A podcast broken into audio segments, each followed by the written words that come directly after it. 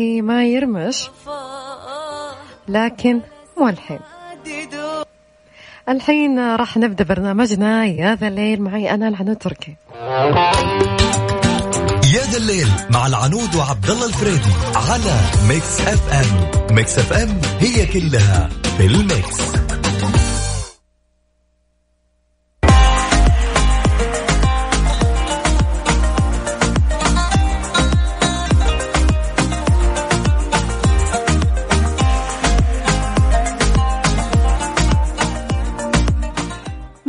الله بالخير آه، مستمعينا وحياكم الله في برنامج يا ذا الليل. اليوم خميس أخيرا يا جماعة أخيرا خميس يا أطول أسبوع. أنا هذه السنة واضح أنها ما راح تمر مرور الكرام. مو معقولة كل يوم عن أسبوع يعني ما بغينا ما بغينا عشان يجي ال weekend يعني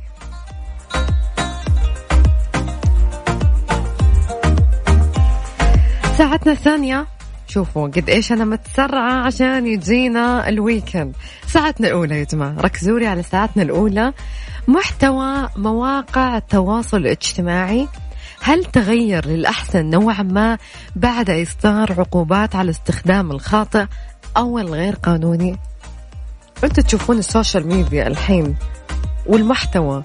هل هو تعدل ولا لا؟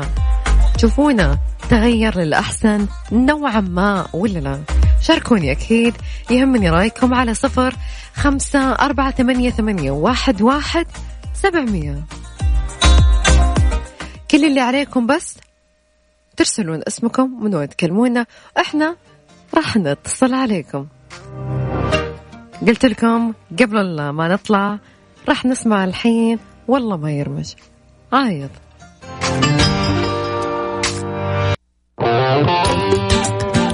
يا ذا الليل مع العنود وعبد الله الفريدي على Mix FM. Mix FM هي كلها في ال mix.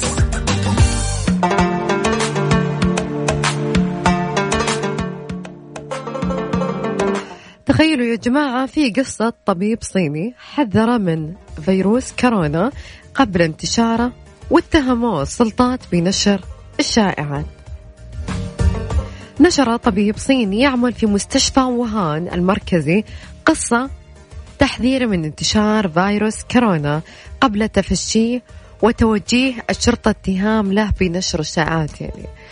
وأوضح الطبيب المتخصص في العيون أن أثناء عمله بمركز تفشي الفيروس في ديسمبر الماضي لاحظ إصابة سبع حالات ظنها للوهلة الأولى مصابة بفيروس سارس ولم يعلم وقتها أنه كورونا وأشار إلى أنه بعدها أرسل لأصدقاء في الثلاثين من ديسمبر رسالة خلال دردشة جماعية على إحدى وسائل التواصل حذرهم من تفشي الفيروس وناصحا لهم بارتداء البسواقية لتفادي العدوى.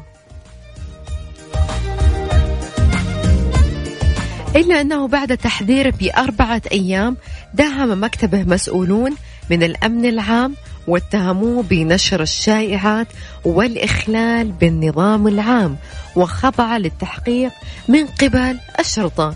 في أعقاب انتشار الفيروس نشر الطبيب الصيني نص الرسالة التي وصلت من الشرطة وقدمت له السلطات اعتذارا على ما تم بحقه.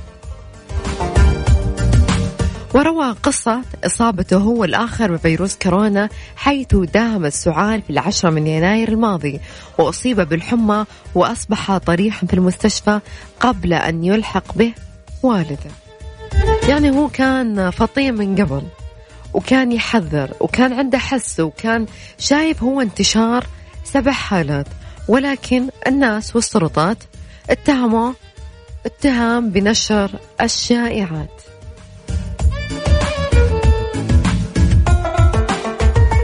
عنده نظرة بس ما حد خذ بكلامه.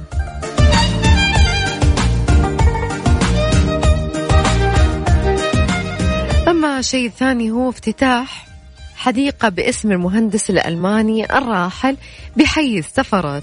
افتتحوا رئيس مجلس إدارة الهيئة العامة لحي السفرات الأمير بدر بن عبد الله بن فرحان. حديقة باسم المهندس الألماني الراحل.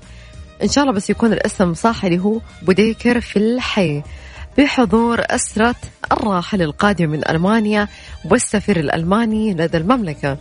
وجاء افتتاح الحديقة تكريما لجهوده طوال 46 عاما في التخطيط الحضري وهندسة المسطحات الخضراء حيث أوضح الأمير أن إطلاق اسم الفقيد على الحديقة التي كان يشتغل فيها ضمن الكثير من المواقع والحدائق في العاصمة تكريم لمهنته وجهوده.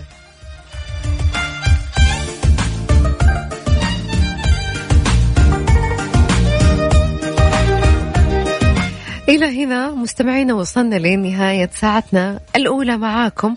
بس لسه باقي ساعتنا ثانية. خلونا نطلع نسمع ميكس راشد الماجد.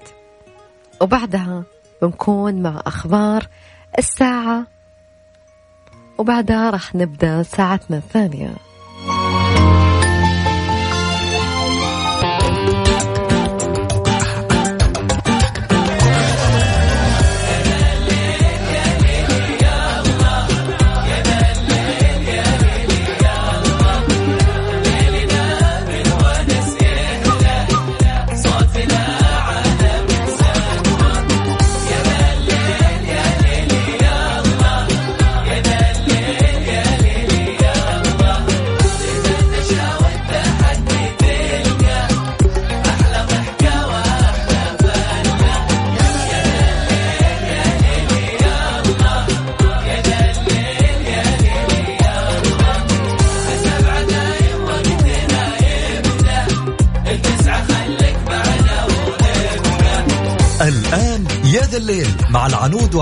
الفريدي على ميكس أف أم. ميكس أف أم هي كلها الميكس.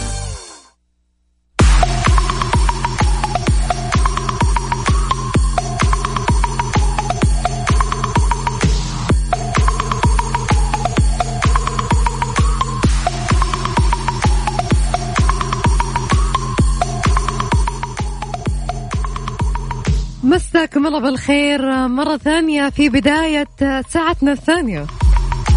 ساعتنا الثانية عندنا أخبار كثير. خليكم معانا. وبرضو ساعتنا الثانية راح نتكلم بكل صراحة. وش أكبر مبلغ ممكن تسلفه لشخص يعز عليك؟ نبغى الصدق يا جماعة. خلونا نتكلم بشكل واقعي. شاركوني على صفر خمسة أربعة ثمانية, ثمانية واحد, واحد سبعمية. وبرضو خلونا وش أكبر مبلغ سلفته لشخص؟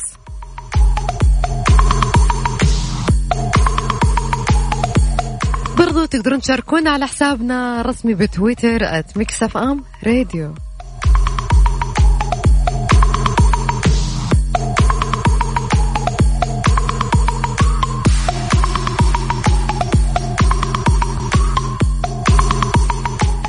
أحمد يقول لا تجيبون طاري السلفة ويوم الخميس تكفون ما أبغى أتذكر. الشخص اللي سلفته ولي سنة ما رجع لي فلوسي.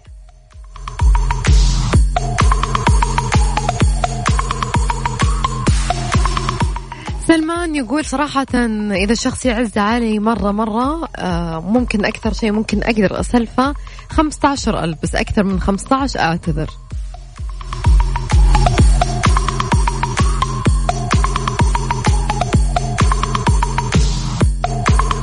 أبو هاجر يقول مهما كان الشخص عزيز عليك مرة ما تقدر تعطيه من حلالك كامل لأن كمان أنت عندك مسؤوليات وعندك مستلزمات. يعني على حسب كل دخل كل شخص. يعني مثلا أنا راح أتكلم اللي أقدر عليه وشخص يعز علي مرة ممكن 8000 بحد أقصى.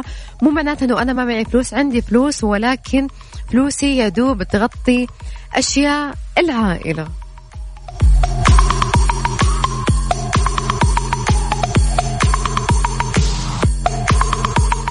بس ما تقول صراحة ما راح أسلف أحد لأنه أكثر من مرة لا تقولين جربتي مرة وبس يا عنود أكثر من مرة جربت أنه أسلف ناس وبالنهاية يطلعون ما يستاهلون وكنت أعتبرهم من أقرب الناس لي فخلاص ما عاد في أسلف أحد ولا أحد يعطوني. خلوني كذا كل واحد يعتمد على عمره. يو شكل بسمة مرت بتجارب سيئة.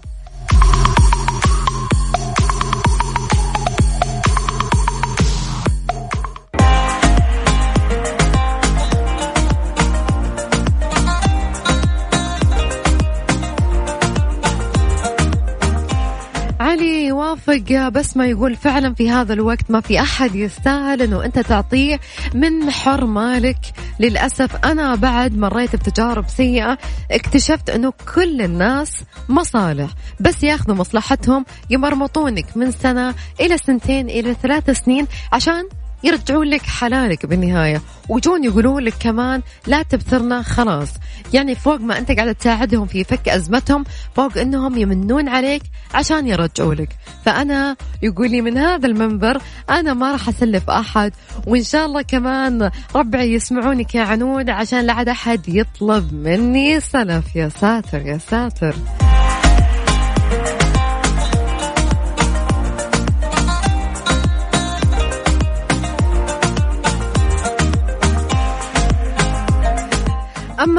تقول للأسف يا جماعة أنا بتكلم لكم عن قصتي. شريت جوال جديد لكن آه، واحدة من قريباتي لكن أنا أعتبرها صاحبتي أنكسر جوالها وكانت فعلا محتاجة الجوال جديد وما كان معها أعطيتها جوالي الجديد. وعلى أساس الشهر الجاي بس ينزل راتبها راح تشتري جوال وتعطيني إياه. وإلى يومكم هذا لنا تسعة شهور. ما فكرت حتى تعطيني مع أني كلمتها مرتين وتقرأ كلامي ولا ترد. يعني يا جماعة يعني أنا أحس هذا قلة ذوق. شخص ساعدك في فك أزمتك وأنت معطيه فترة معينة وبترجعها رجعها خليه قد كلمتك. لا تخلف بوعدك مهما كان. قد ما أنت تشوف أزمتك كانت ضيقة لا تضيق على الناس. زي ما ناس فرجوا عليك فرج عليهم ورجع لهم حلالهم بالنهاية.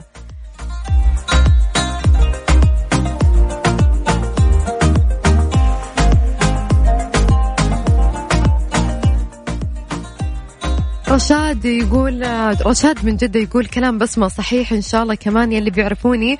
ما حد يطلب مني للأسف لما طلبت فلوسي صرت صرت مثل الذي يشحذ. مو هذا المشكلة يا جماعة. هذه أكبر مشكلة أنك أنت تفك أزمة الناس ويعطونك مدة مثلا من شهرين إلى ثلاثة شهور خلينا نقول ستة شهور. بعد ستة شهور تطلبهم يقول لك والله تونا تونا.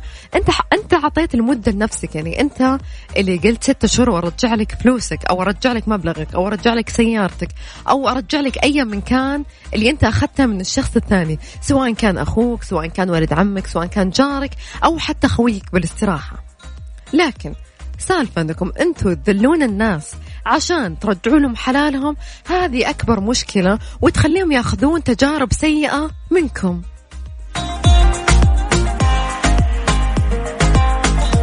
رامي يقول كمان أنا مثل رشاد ومثل بسمة إن شاء الله كل أخوياي اللي يسمعوني لا حد يفكر يجي يطلب مني قرش. يا ساتر يا ساتر.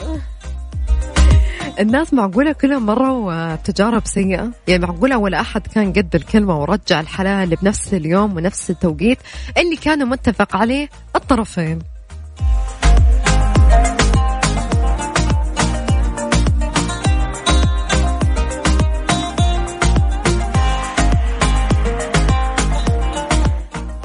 نجدة تقول آه، للأسف كمان أنا نفس الشيء. تخيلوا لي ثلاث سنين. ومسلفة واحدة من بنات الدوام مبلغ وقدره. والله العظيم ثلاثة شهور من رواتبي ما أعطتها إياه علشان بس تسدد القسط حق بيتها. وبعدها هي طلعت من الشركة اللي كانت تشتغل معاي فيها. ولا عاد أدري عنها ولا شيء. لما حاولت أكلمها أكثر من مرة ما ردت علي ورحت لها بيتها. رحت لها بيتها لدرجة أنه بنتها نزلت تستقبلني لكن الأم ما فكرت حتى تنزل وتكلمني أو حتى تسلم علي. وقلت للبنت بلغي أمك أنه أنا أحتاج الفلوس ولكن إلى يومنا هذا ما رجعت لي فلوسي. ولكن للأسف الغلط مني من البداية أنه ما كان في توثيق من الأصل.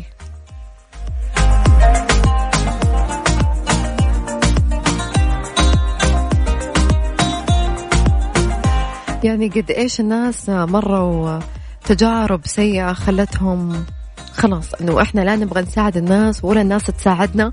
صاروا في حالهم من التجارب اللي مروا فيها مع الناس اللي ساعدوهم يعني. تخيل إن الشخص يساعدك وأنت تخليه يمر بتجربة سيئة أو تخليه يندم ألف مرة إنه هو فكر في يوم من الأيام يساعدك.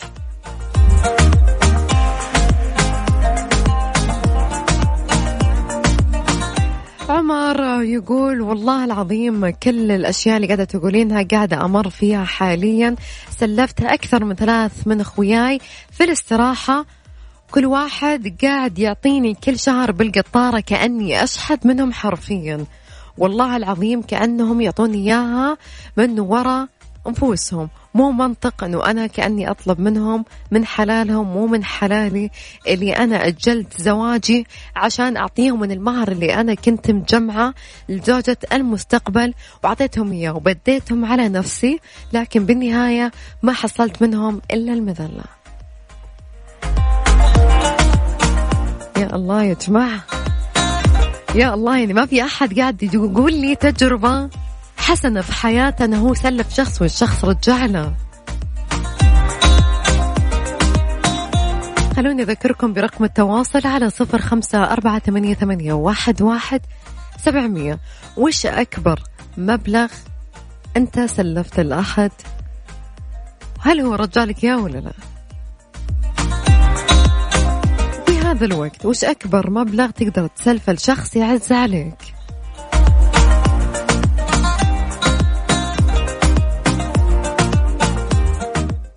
Mix FM it's all in the mix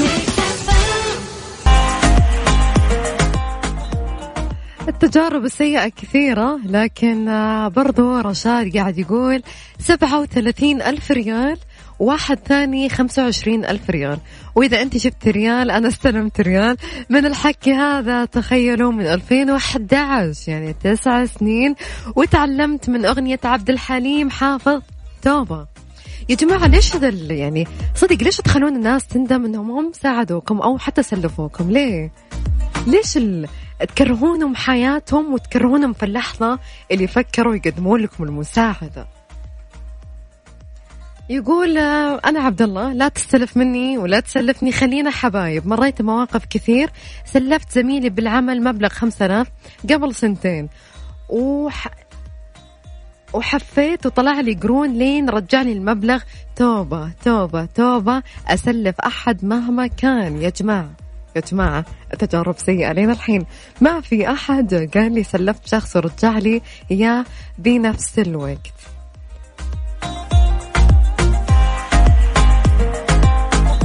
رجاء تقول نفس الشيء أنا أوافق الناس آه، اللي قبلي لكن كلمة واحدة بقولها اتقي شر كل من أحسنت إليه. يا الله يا الله يعني الكلمة كبيرة يا رجاء كبيرة. لكن خلونا الحين راح نطلع الأخبار نص الساعة الرياضية وبعدها مكملين معاكم.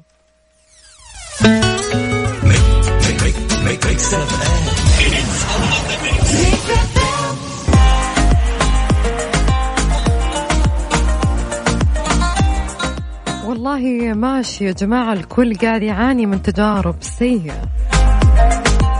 برضو من الأخبار اللي عندنا أمانة جدة تغلق نفق الأمير ماجد مع شارع حراء لمدة 25 يوم. ابتداء من يوم السبت القادم 14 جماد الثاني ولمدة 25 يوم. وذلك لأن نظرا لاستكمال تنفيذ مشروع حلول تصريف مياه الأمطار في النفق.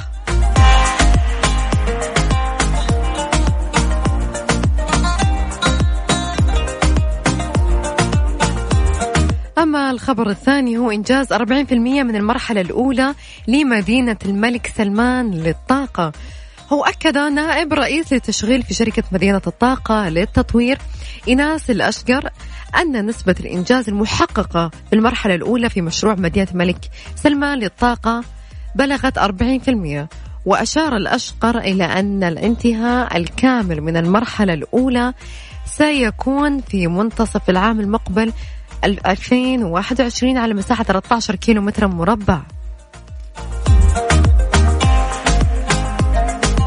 وأوضحت أن المساحة المخصصة للمرحلة الأولى من المشروع ستوفر أراضي للمستثمرين وأبنية للإداريين وطرقا داخلية ومراكز صحية ومحطة إطفاء وبناء تحتية. وأبانت عفوا وبانت اللي هي إيناس الأشقر أن مشروع مدينة الطاقة سيتم بناؤه عبر ثلاث مراحل. تبدأ المرحلة الأولى الثانية خلال 2025 فيما سيتم البناء في المرحلة الثالثة والأخيرة في المدينة في 2030 وكان الأمير محمد بن سلمان بن عبد العزيز ولي العهد دشن في ديسمبر 2018 المرحلة الأولى من مشروع مدينة الملك سلمان للطاقة الواقعة بين حاضرتي دمام والأحساء في المنطقة الشرقية. صراحة المدينة جميلة جداً.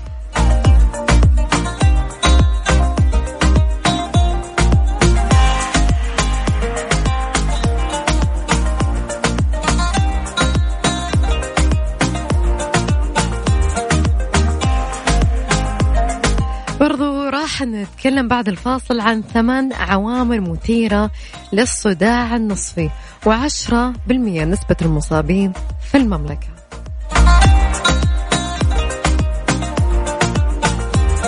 برضو راح نتكلم عن ساما 38 مليون عملية. تجارة إلكترونية عبر مدى باستخدام 6 ملايين بطاقة خلال العام الماضي.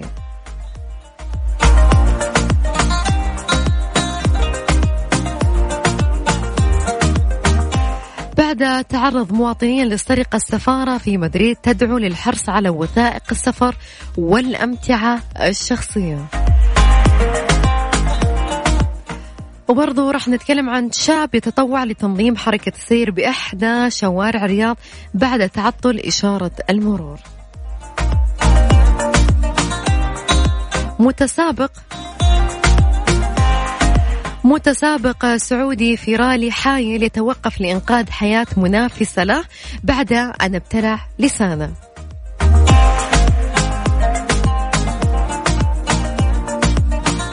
أمير القصيم المملكة هي الدولة الوحيدة التي تسقط من محكومية السجين إذا حفظ أجزاء من القرآن الكريم.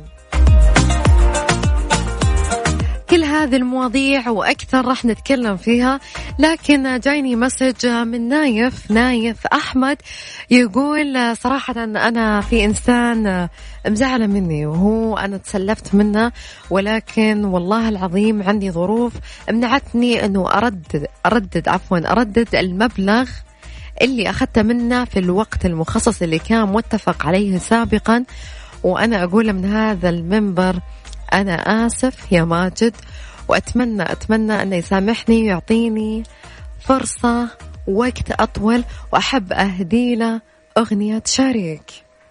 والله تستاهل. أنا اليوم الحين بشغلها وإن شاء الله يكون يسمعك.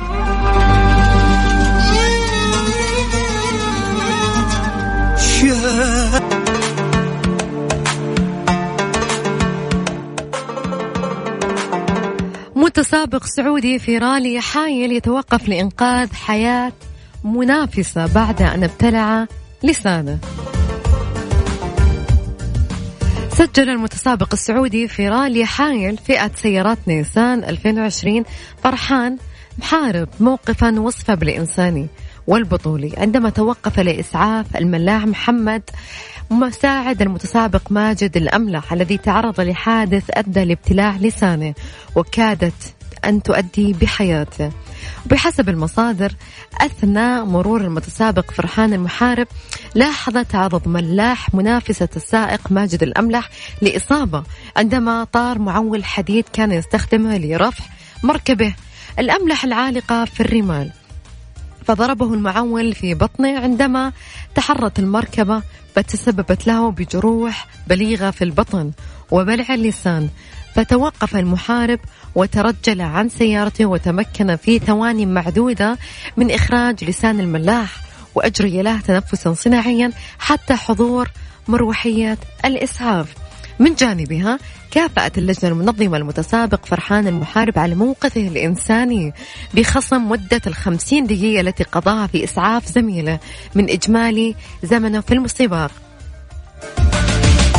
بينما عاقبت ماجد الأملح باستبعاده من المنافسة للأسف بعد أن أكمل السباق دون مساعدة عنب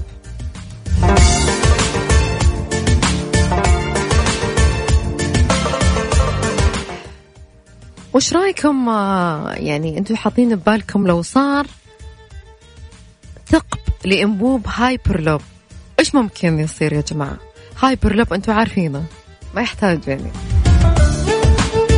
لو صار ثقب ودخل هواء إيش ممكن يصير لإنبوب الهايبر لوب استعرض رئيس مجلس إدارة شركة Virgin Hyperloop الإماراتية سلطان بن سليم أبرز الأسئلة التي ترد على نظام النقل الأكثر تطورا في العالم والإجراءات التي تتبع في حال حدوث أي تخريب أو ثقب لأنبوب الهايبرلوب وقال بن سليم في المؤتمر الصحفي أن الشركة تلقت العديد من الأسئلة حول الهايبرلوب ومدى تأثير سرعته على الإنسان وكان الرد واضحا وبكل ثقة. بأن ما ينطبق على الطائرة ينطبق على الهايبرلوب. فالسرعة فيه تبدأ تدريجيا كما يحدث في الطائرة تماما.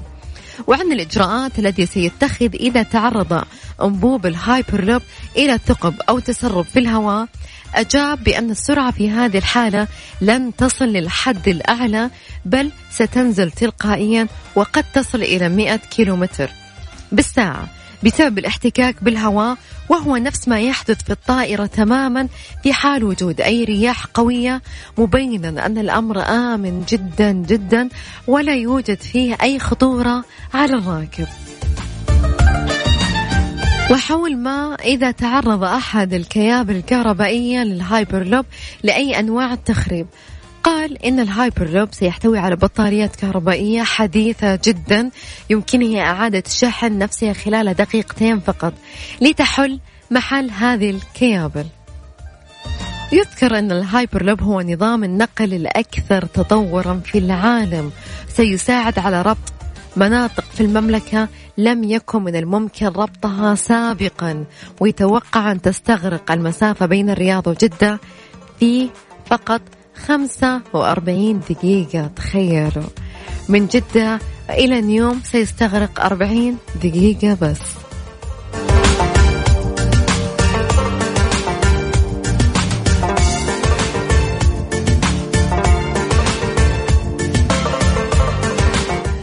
مواطن يبتكر قناعا مقاوما لاستقبال الفيروسات. يا سلام مواطن سعودي مبتكر يا جماعة. سجل مبتكر سعودي اختراعا لقناع فلتر يمنع دخول الهواء وخروجه من مكان واحد ما يجعله مقاوما لاستقبال الفيروسات ومنها فيروس كورونا. وأطلق المبتكر عطية شنان على اختراع اسم فلتر الوقاية الذكي وهو عبارة عن قناع مزود بستة فلاتر ستة ركزوا معايا ستة موجودة في طوق حول الرقبة تنقي الهواء الخارج. كما أن القناع الجديد يوصل الهواء إلى مستخدمه من الخلف بعد تنقيته تماما. ما يمنع وصول هواء من الأمام قد يكون قادما من شخص مصاب بالفيروس. يعني ما شاء الله يعني هذا